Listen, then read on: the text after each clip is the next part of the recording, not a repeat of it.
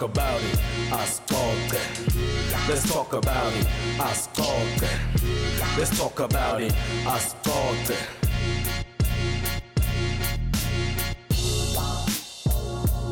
siku episode 14 iyasicoca na Prince Vilakazi. Mangabe kusiqephu sakho sokuqala lesa okay.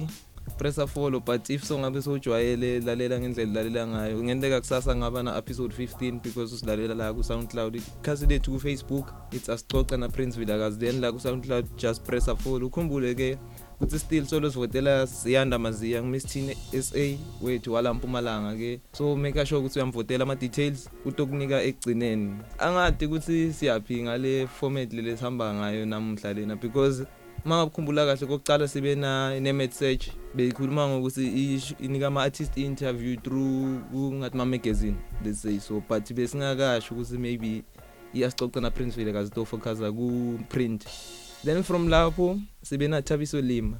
Thabiso Lima wenda i newspaper digital ine magazine so mangabe umntwana lomncane ufuna ukubhala iarticle uyakuthabisa. Today mangabe ul artist awukase waba ne bio le professional kubalekile ke ukuthi ulalele le interview le then after uto contactana nalomuntu ongivakashele lana. But lokuncaka ukuthi naye ul artist and i wish angingatholi story lesifanako the same ku message ukuthi angitshele ukuthi mhlambe naye ubona opportunity bekude labamendela lo wabese bamendela yes C3 la studio so ngiyethemba ukuthi ngisafe because lamagama akhe onke kude naleli one leli safe litongiphephisa host angikwamukele kwasixoxa na Prince Vilakazi. Aware, aware. How's it, my man? I'm good. Uh you are a businessman, ul artist, then ummusician. Yini mhlambe lengekho la lengakakubali lokwendako? Uh, brand design Yeah, yeah, yeah. and artist management. Eh I love the gama lethu brand design. Ngithe mangibuka ibio yakho ne lo designing ngiyongikhiphela ubrand ngawufaka ku music design mina nathi okay. Now my music design ikhuluma ngani? Then asikhuluma ngale brand design. What do you do mawuthi you brand design? Clothing. Oh, oh. Yeah. We have like in-house brands. Like I have my own brand and even like within the movement that we're doing, Mm. other artists have their own brands. So it's not just my brand, it's also other artists who are also venturing in this brand designing, you know. La kungikhomba ukuthi ijourney yakho ku music iqale 2014 and um, angifuni kuyibelieve because lama artists lo mention lapha my legend so uqale vele ku recorder lapho by that time kumbe awakaqala lapho You know what happened? eh Uh first recording Eh. was at Bra and it was Shibili Baba's song. hmm angeke okay asende so ngithi asibangizi ngeke lento nikuyivumele ma, ma legend kakhulu angeke asithi mawudlala mm, ibhola ne uyabona lama yes banokubathatha abafana maba good like ukuthi ma bathi ma under 12 nani nani but bakususe wena ul under 15 but no wena udzingeka vele letulu kulabantu abadala.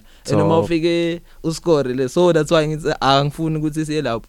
Nika i-background yemuntu ongakwadi mhlambe ukuthi ngiba 9 host way from then sitokhona kufika la ngisaba khona ukuthi sifike khona ngoba singacala la angekulu So basically Nine Hosts na Mm. is like a boy that fell in love with music at a young age, yabo. yeah, yeah. So be- because of the lack of opportunities, I had to do things at home from my speakers and laptop, yabo. yeah So as soon as I made rough sound, I I then took it out to the people that were booming at the time and my legend 8 the ones you mentioned mm. and they were like some sort of they, they had the potential and they've been guiding me Mm. since day 1 up to today.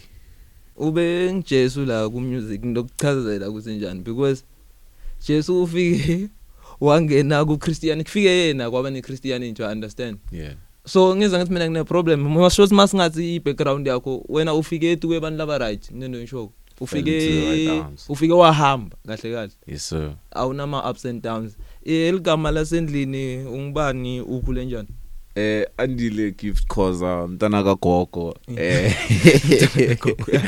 you know raised the right way old school you know. Yeah. can't teach your old dog new tricks. Yeah yeah yeah. Yes sir. They say it's nothing so new. yeah so yeah i mean dog i have a mentality of a student and like i'm always willing to learn and to make uh, uh new ventures or to to venture in something new Mm. uh, what so that spirit has kept me going even with the music le relationship yakho ne Durek biyaphi hey, raising for the flag for the Durek boys worldwide, Mm. dog. You know. because sine wonke umuntu okhula ngacabanga South Africa lo famous ke ngespeed nelithawula lakhe ngaphandle but since ngicale ukukwati ne like eh, ngibe happy mara mangisi like lesa le bias ngibona nema pictures okay uyake uyikhiphe but vele i Durek even nanyalo ugqoke isigqoko mara maybe mangathi skip Durek, alright. Gotta protect the crowd, dog. You know. Gotta protect the crowd, dog. so ibiya le Durek iqale njani wena unala maningi akusiki ukuthi mhlambe I see why, ikhale dog. Culture, dog. You know the trap culture. We thugging in the streets every day. Mm. yabo. Gotta be strapped up. You gotta protect your crowd. You know, Mm. always have that unique element from everyone else. Mm. Yeah, and be able to be consistent and carry it out. taxi mhlambe ukuthi into le tayelikile ngalala sikhona khona yes hip hop iyaphila lapha bathone yini le kwende ukuthi mhlambe ungasab because nyalo vele i brand le Durek it's okay noma ma ungahamba like nami sengijwayela akusiyi ukuthi into le stokubuta ukuthi kusemfethu wena Mm, so yini into le kwende ukuthi okay angisebenzise le Durek maybe into ngispanene Okay. So you see, growing up, I always had a challenge of fitting in, yabo. yeah yeah yeah So, but then I had a journey choose, yabo. mm. So after I got there, uh, I suffered a psychotic disorder. Mm. So when I came back, I had to like restart from scratch and really build nine holes from scratch. Mm. That was when the bag happened uh, late la- uh, Yeah, yeah, last yeah. year. Yeah, we're gonna So the bag that. was like the first project after like I lost it, and I and the direct thing was like you know. It was always something that I wished, and it, I thought it was far from my reach. And as soon as I got my first Durek, a lot of kids, "Hey, turn up, we turn up. Okay. so a lot, I hooked a lot of kids up. Mm. Khona nabayo phose bangithathela yami yabo. So yabo, it, it it's like always wanting to to try out something new and not be afraid of what anyone else is gonna say. Try to inspire others just like me.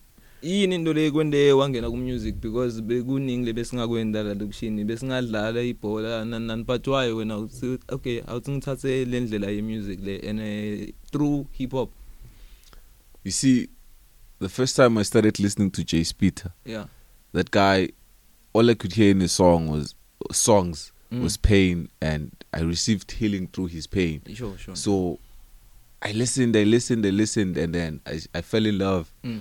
and then I wanted to do, and then I started doing, and first time I started, then it happened. Hey. So you know, just being inspired by the people around you, man. yeah Yeah. so uqala nje lo Jay, dog.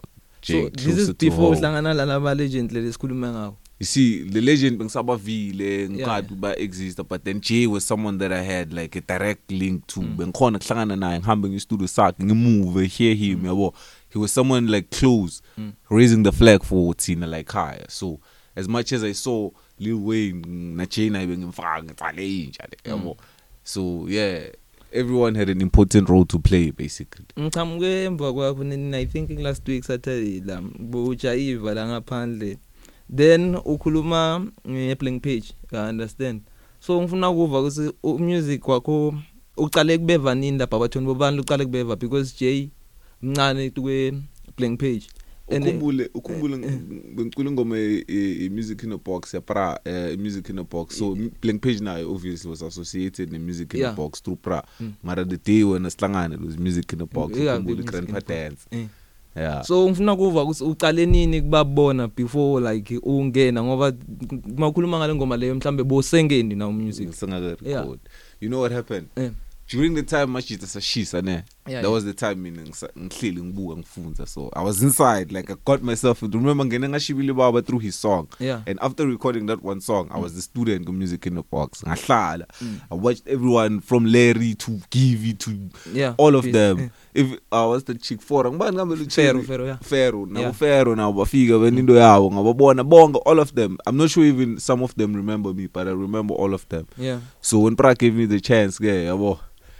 Ta, gotta do it, gotta raise the flag because I know the roots. Mm. Like cala called music in the box, yabo. yeah yeah, yeah. So bo grandpa dance, ah, we always, you know, dance to that. nokubuta abantu like kuthi okay um ba inspire ngobani ba inspire ngobani but like ubabalile le ba inspire ko and eh, kubuka umuntu maybe wathi music wakho ne there's no different Ang- angithi there's no different like music ubekusile ku Jay Speed ama ukhuluma ngethi into abo healing nani nani ngiyachaza even okay asikhulume ngaye Jay Speed i don't think ngabe bekungekho Jay Speed ngabe ngiya understand ukuthi yini MC kumbe yini musician. Yeah, me too. okay uyabona Yeah, sishaya I mean, imithi we movement understand a lot. yabo.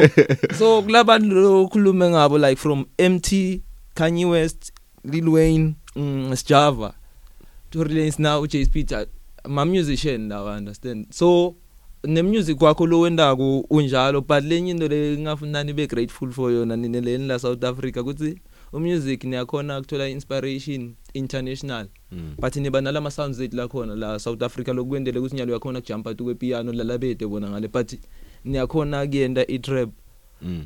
yini lekwente ukuthi wena ufuna ukuchubeka ngale direction leyo into wangilama outlaw lesicetha kwabala Yeah, you see, when these guys came up, yabo, Mm. I saw a lot of change in the world. Yeah, and yeah. I saw how, like, everyone was fighting for their freedom to Mm. be to be stars. Yabo. yes So you know when you see these guys, and like most of these guys were underrated yeah during the time they started. So it was it was a challenge for them to also be accepted. Yabo. sure So I guess that thing sort of like connected me to them. Yabo.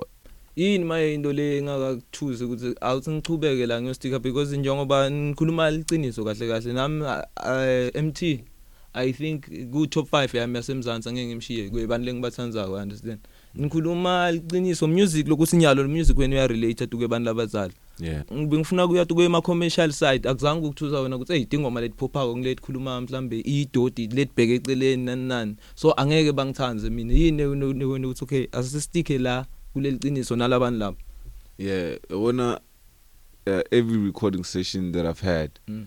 Eh ngizamela ukuthi ngikhulume ngekweqiniso yeah. And then the reaction that I get from the people that I'm working with Mm. is the, is the one that I expect to get from the people out there.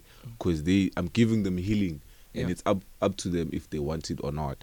So despite how the industry is designed and how the industry works Mm. if you've made a good song and a song for the people and the people like it Yeah, nothing yeah. can stop that. Okay. So yeah it's always been relevant though. Wakho umusic uyakunceda wena o ukukunceda mase kuphumile because ngalendlela siyi receive ngayo ngikube kusele ngathi okay lalamanye ama track ngawavila ngibona ukuthi ikune track unless ngidowathola kahle le ngabitha ibe nithini kimi? I understand. So Alright. ngifuna kuva ukuthi like la kuwe as an artist or as a musician ikwendani because kubantu iyabanceda sometimes ukhulume ngaba Jay Speed Jay Speed awukhili uyambona le sengifuna kuva kuwe ukuthi wakho ukwendani wena personal because thina la labanye ngendlela si receive ngayo uyasinceda nani nani. Sometimes asing nema therapist ku music even nami like i asicoca na Prince Vidakas i don't need like therapist. Mangifika ngikhuluma nani so ngifuna kuva wena personal ukuthi ukwendani ku hey so I mean eh, hey my music it brings me it brings me up when I'm down. Mm. yabona? So during my highs and my lows i always play my music like to carry me and remind me of my struggle and where i'm coming from and who i am and and what i stand for. Yeah. So like the message that i it's like most of the time when i do a song i'm being prophetic because later on things happen that are correlating to the song. Yeah yeah, yeah. you understand? Mhm. so it's it's like something has to happen and then magic happens. Okay. Yeah. Asiye kulabantu laba inspired because okay kimi ngal- lela Kanye West ngalithatha kakhulu side because I'm a fan of Kanye not ku music kuphela in everything. Like ayenda uma khuluma nge prophetic side tinyenti izinto leta khuluma Kanye West sambuka and especially ukhumbule ukuthi media that's why ngithi mina like I wish ukuthi ma platform la so singawa support or like la sebenza khona kuma community rate. Kube nale tinto sithi mathi letha kuthi noma ngavela after 5 years mara bakhulume ukuthi hey la leya ike yakhuluma. Bazama ukuzibala into lethi so so asicale ngakhanye West icala ngiphi irole lekayidlalile kuyi kuwe so the thing that makes Kanye West uh, separate from everyone e- else is, is his mental issues because I also have mental issues. So you know, seeing a guy like that who has came up, who has had breakdowns mm. so many times, and he has came out of them. So when something like that or something similar to you attack you, Mm. You need to now start to pay attention to the ones who are going through what you are going through. So aside from just the music making, he's a legend. Mm. One, he's a genius in all ways, and he fights for freedom, for everyone's freedom to, for everyone not to be apologetic for how they feel. Mm. You know, and that's that's the one thing that I've been preaching, and that's the one thing I want to install in the people that are looking up to me. okay ngizokhuluma side lami la West then istory yami ngala ku udonginika ngifuna kuya kulenza we mental issue eh my problem is njengoba ngisebenzise yena nem Mm. kumuntu lo to rescue like asiye kule example ya Jesu ukuthi Jesu why? Mhlambe bafuna kumbulala Egypt because uTekto unceda abantu. So sithi une mental issue because the media lengafuna khipe leqiniso kusi ngiyo lesitshela ukuthi une mental issue kumbe unale mental issue that's why la ngifuna kuya khona. Yes makane mental issue khumbula ukuthi everything lebayendile lakithi i depositiwe like from slavery nani nani.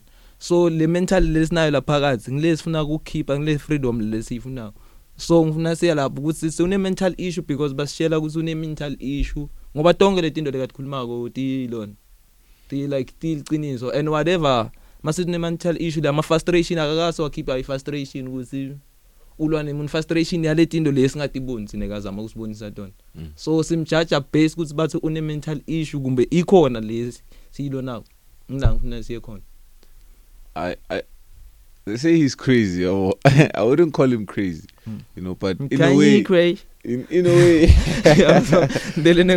but in a way all geniuses are crazy because they do abnormal things, you Okay, know, and yeah. they think in an abnormal way and they they have an opinion about almost everything. That's how I am, dog. Like Yeah. I, I I I can even cry, stand on a chair and scream for the truth. Mm. Just because like I understand like where I'm coming from and like my my experiences give me the strength. So I cannot go back on what what I know. Like even uh, uh, Kanye, Mm. When they say he's crazy or he's got mental issues, Mm. I, I would say that you know he gets wild thoughts and he gets uh, uh, super super exa- uh, uh, exaggerated and he gets uh, like you know he gets excited and you can't stop him and you have to contain him somehow Mm. you see just to get him in order because you don't know what happens in the house. We only see what happens in the in the tv screens you yeah see. yeah Yeah. nje ukuthi mina nami ngile sithombe leli basiletha like lakithi ukuthi okay ekugcineni siya ngalo ukuthi ngiyo nendlela lesiyisana ngayo. Then asiye ku Wayne. Wayne greatest alive dog. Mm. you know that guy. Mm. uh, every time every time i want to have an example of what what being great means i just go to him. I just look at his way. You know. So he he has done everything it takes. His work ethic you know. His, his drive you know. His passion you know. Mm. everything. And his story from where he started you know he makes you understand a lot of things. And through his story we are going to be protected from these labels and and who we can trust with our music you know there's a lot of things that that you learn from these guys you know. Le recross angifuni kuya kuyo ngoba ngicabanga ndositshela ngale tipoko le ngafuni ngakuphepha la O- o- why mhlambe uthi inspire nge recross you know that guy taught me the lavish lifestyle. He taught me how to be sophisticated even the way i pronounce my words even the Mm. way I, I, I finesse a song Mm. you know. Just sophistication you know class. Hmm. yeah. Okay ngcono ukukhuluma ngale tipoko laba la khaya ngicabanga kuyacaca bonke angeke mhlawumbe lekusiye nani nani then ufika kanjani ku stage sokuthi ufuna ku manager ama artist because nawe ul artist kufuna uti manager or ufuna uthole nawe i manager yakho why you decide ukuthi okay fanele ngibe i manager so after having several managers and understanding what managing a person is Oh. and understanding the role that a person has to play Mm. in managing another person Mm. It it it kind of like when i got home i saw that a lot of cats are going to go through the same way that we went a long way. Mm. but there's a summary for everything. So Mm. anybody that needs a summary for a short while under my wing for a while yabo si summarize yangale so uyithole nini le experience le lesikhathi uma uvela eJozi? When i was in joburg yeah. Busocalile kwenda music na buprala no because it's 2014 uma uvele nini ngeJozi so ngahamba yo yacava it's been back and forth like this with Mm. josie so i went there 2016 Mm. came back 2017 2018 20, oh, 2018 i went i came back now with the first psychotic disorder so yeah Okay ase sicale la ku 2014 yalo singene kule ngoma la kutholakala khona uNajibile baba. mm. Um shout out to Chibile baba by the way. Eh ngido yeni interview yakhe so angeke ngikunike too much nga Chibile baba because kunento le kayenda kuze kutholakala lapha kule track yakhe ne. Mm. Into le kahlale ayenda leyo but sitokhuluma ngayo. Se utholakala njani use studio then bathi ngena la kule ngoma le. so basically ne Mm. when when i started music ne igrotman bengihlupa like from a young age. Mm. itshela igrotman mina ngifuna record ngene studio. Athi ngawari boy ngawari boy. So when the time came Mm. yabo ngafika sahlangana and he was like are you sure? Are you ready? I was like yeah write a verse and I wrote it. Ngangena dog magold digger Mm. a shy track yabo. So it was a long time coming basically. And you know he's about bringing people together and giving everyone a chance. Yeah yeah. Yeah. So then proud decide njani ukuthi kumbe ngibani lo decide kuwena proud ukuthi asihlangane then nyalo sikhiphe nayi get the bag or in the bag. I in the bag, like it was Pra's idea. We were like in studio recording a lot of songs, and they said let's record an EP, and then Mm. we did it. inswembu plus the EP leya nani nani nine host usuka ligama lela nine host It's like you see when you live your life Mm. and you go through so many things mm. To an extent that you can't even mention them in words. Mm. I just tend like I had a, a different lifestyle. This is it's different times where I had to live a certain life and give up and start over from scratch and be someone else. Every year, Mm. when I had to go move somewhere, I had to become someone else, Yeah, totally different. u-adapt kule Exactly. So I zakho. became a lot of things at once, Mm. and even with my psychotic disorders, like this other side of me, other sides of me that keep coming back, and Mm. I get unconscious, and it just takes over. You see, Mm. so I call it nine hosts because there's nine nine angels behind. You see, Mm. host. Mm. Yeah, so the living ghost. Hey, that's why bengishock but le living ghost uthe uyisebenzise mase ubuye ngalane Yeah. so bunani asiye kumuva kwakho from la uye eJoburg le gang lele nifike nihlangana nayo nitholana kanjani Extreme Gang. Mm. So Extreme Gang, uh, ngahlangana nayo through J Speeder. mm. shout out Jay Yeah. Yeah.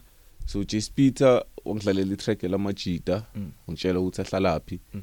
Mina ngamosha isikhathi ngashona khona. Ngathi ngifika lapha man wo nitholana kule le Jos na Jay Speed before before majita Extreme Gang. Eh. Suke sonke lapha. okay yeah Top. yeah yeah okay. Sesithopa sesong sishaya amashow la sa performa sadlisa sakhwesha ke. mm Boris Madlis Yeah, sadlisa kancane. Sashaya kusema track J Speed was producer for a while. Baningi nala sifikile la ekhaya yabo. Mm, okay ya sasebenza extreme gang bekuna tricks lapha na na comfy namula the rapper. Comfy man comfy comfort comfort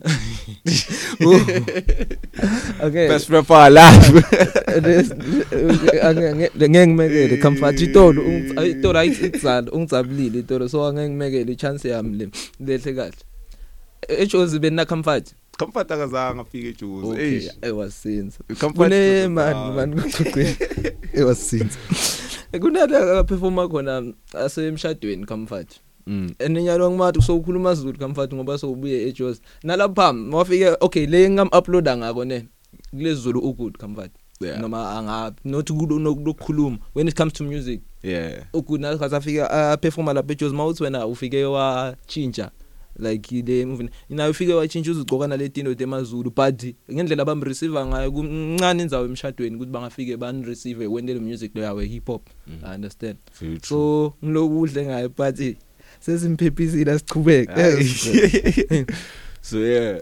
So besla estandini nomumula the, the ruler yabo? Mm. so it was a place where everyone could come. It was a nice studio and the guys were unknown. Yeah. emara saqala saphuma we got big shows and then sat decide ama cheat stop it Jozi you know when we got there we had our differences and you know nine hosts came to life. Kukhula ku industry yeah cool. uke waba khona kulama shows lebeyenteka e Rockefeller Sunday? Because i remember ku comfort ba performa lapha during those times or Yeah. now? Into during those times. Ah during those times performing over nje yami mm khumbula nepon bathi uh, there was this event abashaya lo with abu bu black motion abu siyashes you remember this Okay, event? yeah, yeah, yeah. Yeah. we were there and there were it, it was like we were going in the right direction and Gulungulu was there. He was the leading force yabo. Yini lo ifunzile mhlambe eJozi? Because ukhuluma nge management la mawufika kuthi okay that's why uqala kuba i manager ngalatinto lotfunzile ngale Jozi. Lo ungafisa ukuthi mhlambe stand ngala even ungakhuluma nathi kulele send ama interview kuze sin help esikhona grow industry because asinama experience akubo Jozi la. Nathi mangabe ngise busy at Barberton community radio there is no job angina exposure kangako ngale. But into into lutfunzile through ku music maybe nathi lo ngafuna stand kulama platform lawo? Mm. you see when it comes to Josie, Mm. Josie, it's one place where a lot of people from different places are gathered. yeah So someone, it's easy for anyone to pop. So the only the only challenge that we have, like her, is we see we know each other and somehow we underestimate each other. So it's all about like giving each other a chance. Like you know, they talk about a long rope to hang yourself. yeah Yeah, to give someone the chance to do. You see what Don is doing with with uh, with the kicking it show. yeah yeah You yeah see, that's that's the beginning. Just providing the platform itself. What you're doing here yeah itself. This is the start of it all. You see, Mm. and and every day, every week, you're gonna have this artist who gonna come here and then we're gonna share these ideas. Yeah, well. yeah So that's that's all that matters is when we come together and we are trying to fight for one goal. Yeah, well. Unle- un- unlike letting someone one person do all the work and then you you know you feel used you feel drained your energy you know so yeah une ngoma le 1 ku SoundCloud yes sir. Engoma le ya i reach ku 1000 something ma ma listenings ngendlela bayilalele ngayo abantu. Mm. so kuvisisa ukuthi ngengoma le yi1 since wende into leso why ungakabi mhlambe nema follow up ala tracks because even ne bag ngabe niyifake lapha i don't know ukuthi ngabe bayi streaming kangakanani Mm. or what was the idea ukuthi okay solo ufike ubeke le ngoma lengaka sikhathi lesi1 no Penelin Rush mm. father dog Mm. and it was the beginning of something beautiful mm but then every other song Mm. that I worked on Mm. after Penelin Rush my project um they Mm. all got lost as if I had a curse Ooh, okay. all my good songs Yeah. all the hits because ang- angeke vele man like you know, all the hits all the producers dog after le success lengaka why ubese uya uya yeah no it's like it's like it's some magic mm. like each year baba you Mm. work on hits baba ushaye ama hits from January to la la phumula khona ngoSeptember bakutshela ukuthi crashile computer Mm. and you have nothing to drop for the year Yeah. so you still have to work on picking yourself up and getting the energy Mm. to work on another project Mm. and you know how that feels then ufunzeni kuloko lokuthi okay nyalo moving forward kube ngikho lokwenda ukuthi uthathe le management side yeah do my own i know that i'm going to be careful you know if you know the pain mm. you are more careful in the steps that you take cela ufundzise mhlambe ngale disorder i wanna understand ukuthi because yes kanye they say it's bipolar. I think now we know ukuthi what is bipolar. Mm. yini mhlambe lolutho unenkingana ngayo but asibeki based on wena ukuthi maybe sifunze because it's new. Utseni psychia psychotic disorder. Yini so it's they're giving it they're giving it a medical term dog. But like right now I, I i'm still trying to piece everything together cuz it's Okay. been it's been coming. It, besides just medically it's a spiritual attack. So it's like you get confused you get to this darkness there's, there's this cloud that comes over you you see things you hear things you start to think different you start to speak different and you don't have no no one can make sense of what you're saying. Mm. I remember nasikhathi sihleli ubhala but I think that's the way lekufuna shothi nikhuluma ngayo through ku music yeah. Writing. Eh, because it makes more sense when you write it down and you even nathi masilalele siyakhona ku understand ukuthi kukhuluma ngani. Yeah yeah uthashe into le right nyano lokubekisela uyakhumbula ah but itolo i think bekungcono. Lesikhathi ngifike ngikuthola u recorder lapha ngesimene bengingathembi ukuthi lento lo recorder la ingaphuma ivakale lapha. Because mawufika la kule mic ngidokutshela ukuthi sende yiphi ne. Ufika ngathi uyahlala la kule mic ngathi uya mangizange kubuta ukuthi mina nathi njani ukuthi mawufike uhlala la kule microphone slow the sound itophuma ngila usekhona ni yadifunsisa Mm. through music it comes with it comes with the the experience of like being comfortable around the mic you know Mm.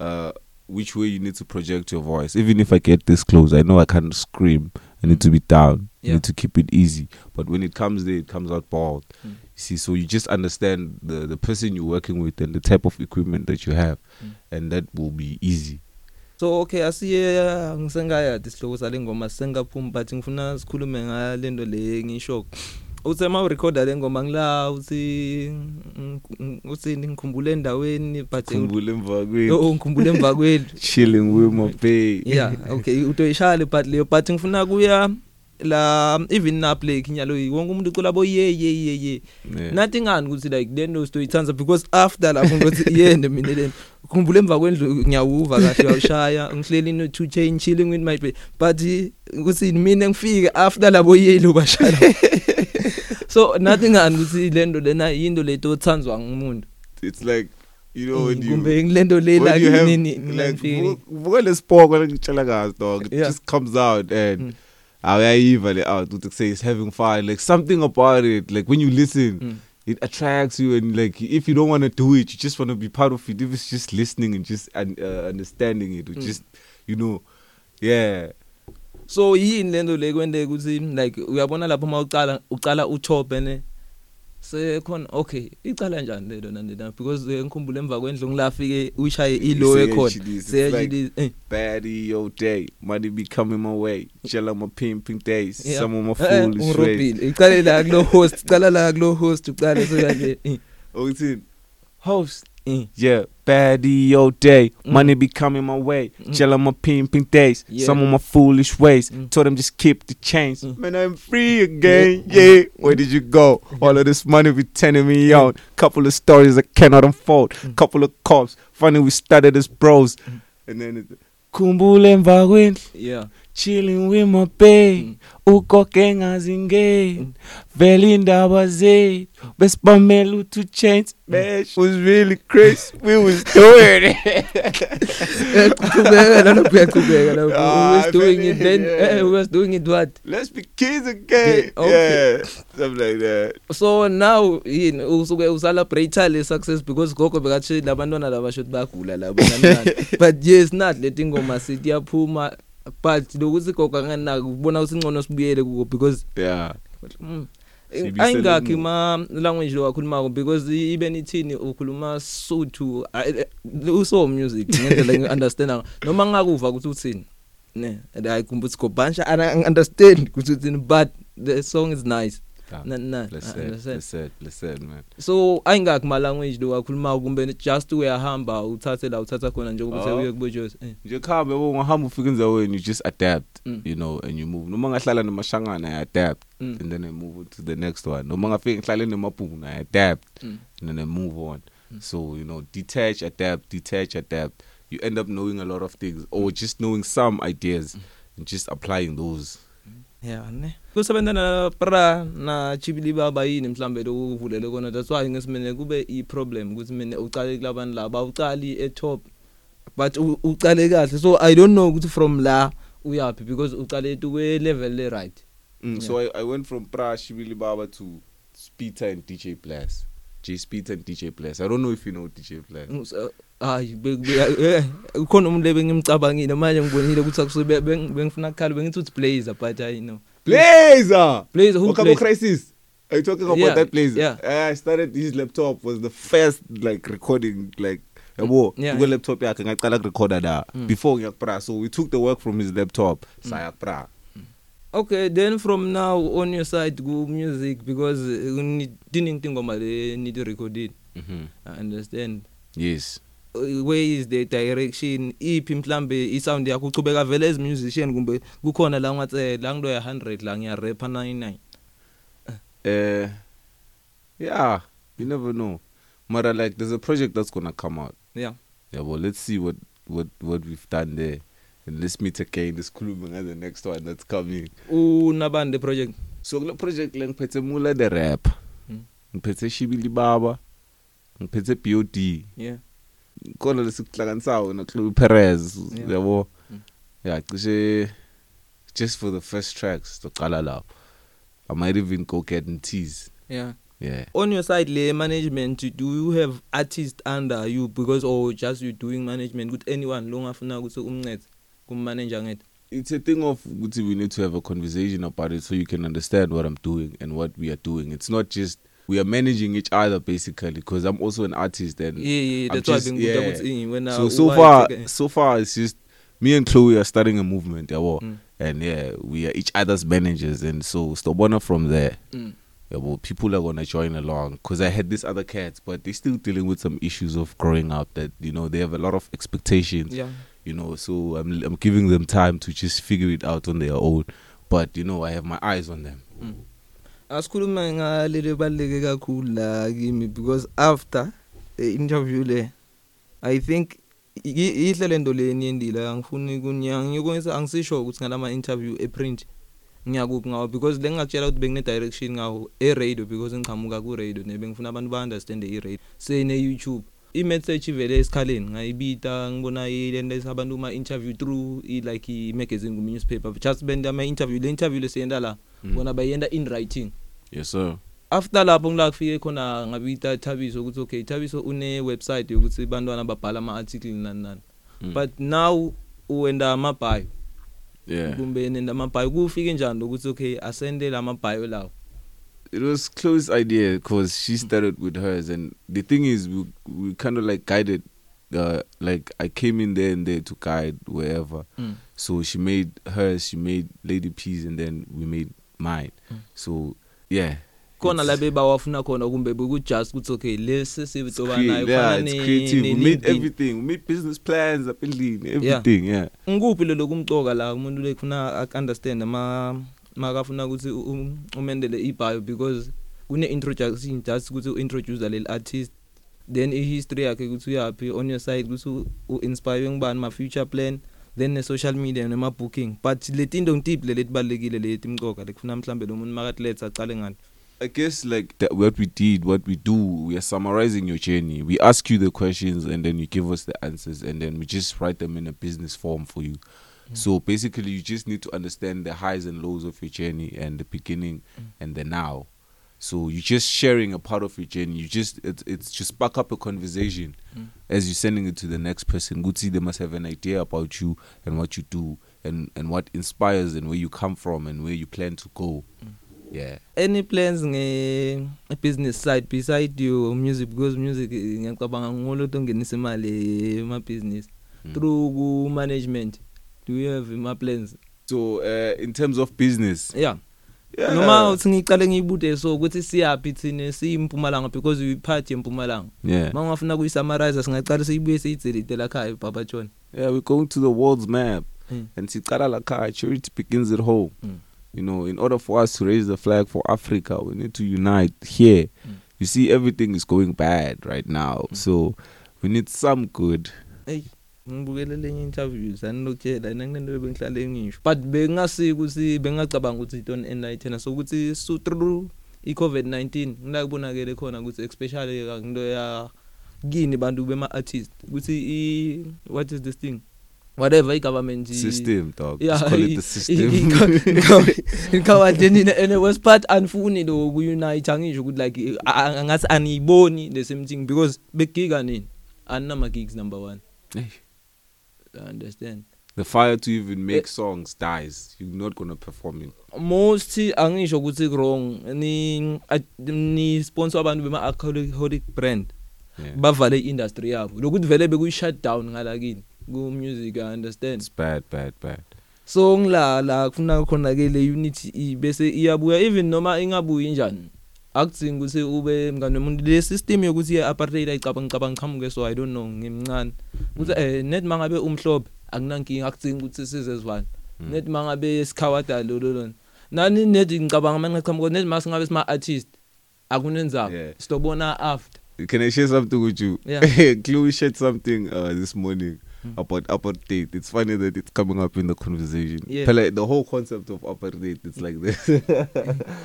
it is they they convinced us ukuthi amongst each other Yeah. there's no one who's good enough.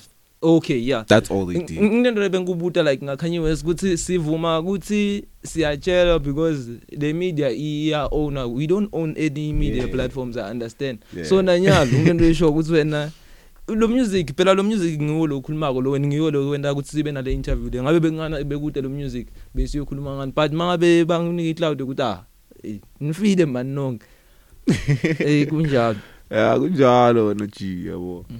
ku social media umuntu lo ufuna ukuxhumana nawe ukuthola njani At AK9 host on Instagram Mm. and then it's at 9 host music on every other di- online digital platform and music digital platform. I think seyaphela le interview singakhuluma ngale living ghost nyalo ukuthi noma sengawena because ubuye ngayo mase idlanga la why then did you choose ukuthi okay let me go with the living ghost now Yeah. So you know when you suffer a psychotic disorder, it's Mm. like there's a ghost that takes over your your your conscious. It's Mm. like you become unconscious and someone else is living your life for you. mm. So I was able to fight and reclaim that. Hmm. So I'm saying I'm the living ghost because within me there's still a ghost that Mm. exists. yeah So anytime anything can trigger it to come out, and it will be somebody's worst day. Ukhona lo ake mhlambe waku-attenda eh, angisengikazi attend ama-psychology angifuni ukuyenga that's why ngithi mina ngihelp our music. Ah, ngisho ngiyacabanga futhi wonke umuntu legula kwakhe. Ah, i don't because sonke sibuya to kwe-background leyi-one from le ama-system ngendlela asikhawade ngayo through kuhlupheka kwaselokushini kuyafana ngicabanga. Uma ngabe besingithi noma ngabe ukhule right ekhayekini wonke umuntu makane-black tax kuyafana uthiyami so uke ba- mhlambe wabona ama psychology kumbe sakukhuliswa abantu abazali bakutshela ukuthi okay ngineti into lethi kumbe vele le calling ifuna uyikhipha through ku music kuthi uma ungayikhiphi khona usatogula uvele uyovale What's So- happening? In terms of therapy, Mm. I use the people around me as a Oh. tool for therapy. Yeah, yeah. Everyone, everyone I conversate with, Mm. I, I will bring up something that is bothering me because I've proven to be not someone who has to let emotions hide emotions. I have to let everything out, Mm. even if it's good or bad. Yeah. You know, even if it makes the next person feel good or bad. Instead of keeping it in my head, I need to share it. Mm. You see, because if I keep it there, then one day it's gonna end up causing a lot of confusion for me. yeah yeah, So, yeah. because I'm going through something that I still I'm still yet to understand, because there's spiritual terms to these things as well. Mm.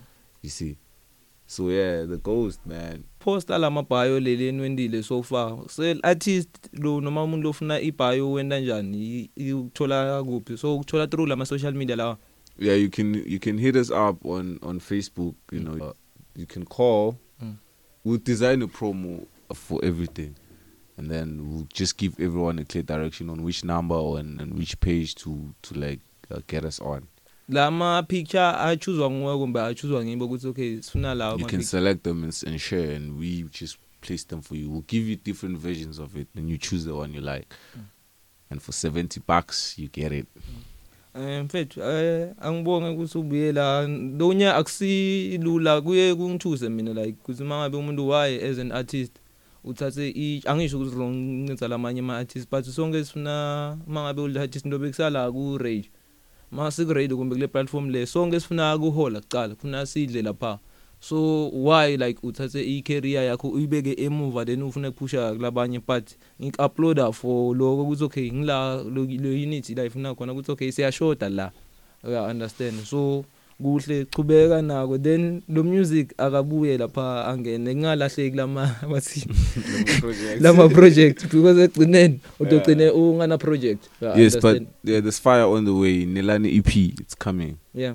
Yeah. Eh iphelele la ke interview yethu kuasicoca na Prince Vilakazi. Nikhumbule kuvotela siyanda Miss Teen Universe umele impumalanga bathi Miss Teen Universe South Africa. Indlela lomvotela ngayo nginayo. So you deposit the cash into Capitec account number yeah one one one six four nine hundred ninety seven.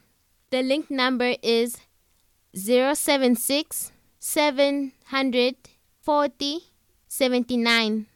The reference must be Sianda Mazia. And you must send the proof on WhatsApp zero seven one six seven eight zero seven zero zero. okay asiphinzele kugcina ke la Yes, there's different prices like 3 Rand is 1 vote, 15 Rand is 5 votes, 30 Rand is 10 votes, 60 Rand is 25 votes, 120 Rand is 70 votes. batshele badeposit le mali kugcina ayithi ku The account number is 111 64 900 97. The link number is 076 700 40 79. The reference must be Sianda Mazia and you must send the proof of payment to the number 071 678 0 700. Let's talk about it. Ascolta. Let's talk about it. Ascolta. Let's talk about it. Ascolta.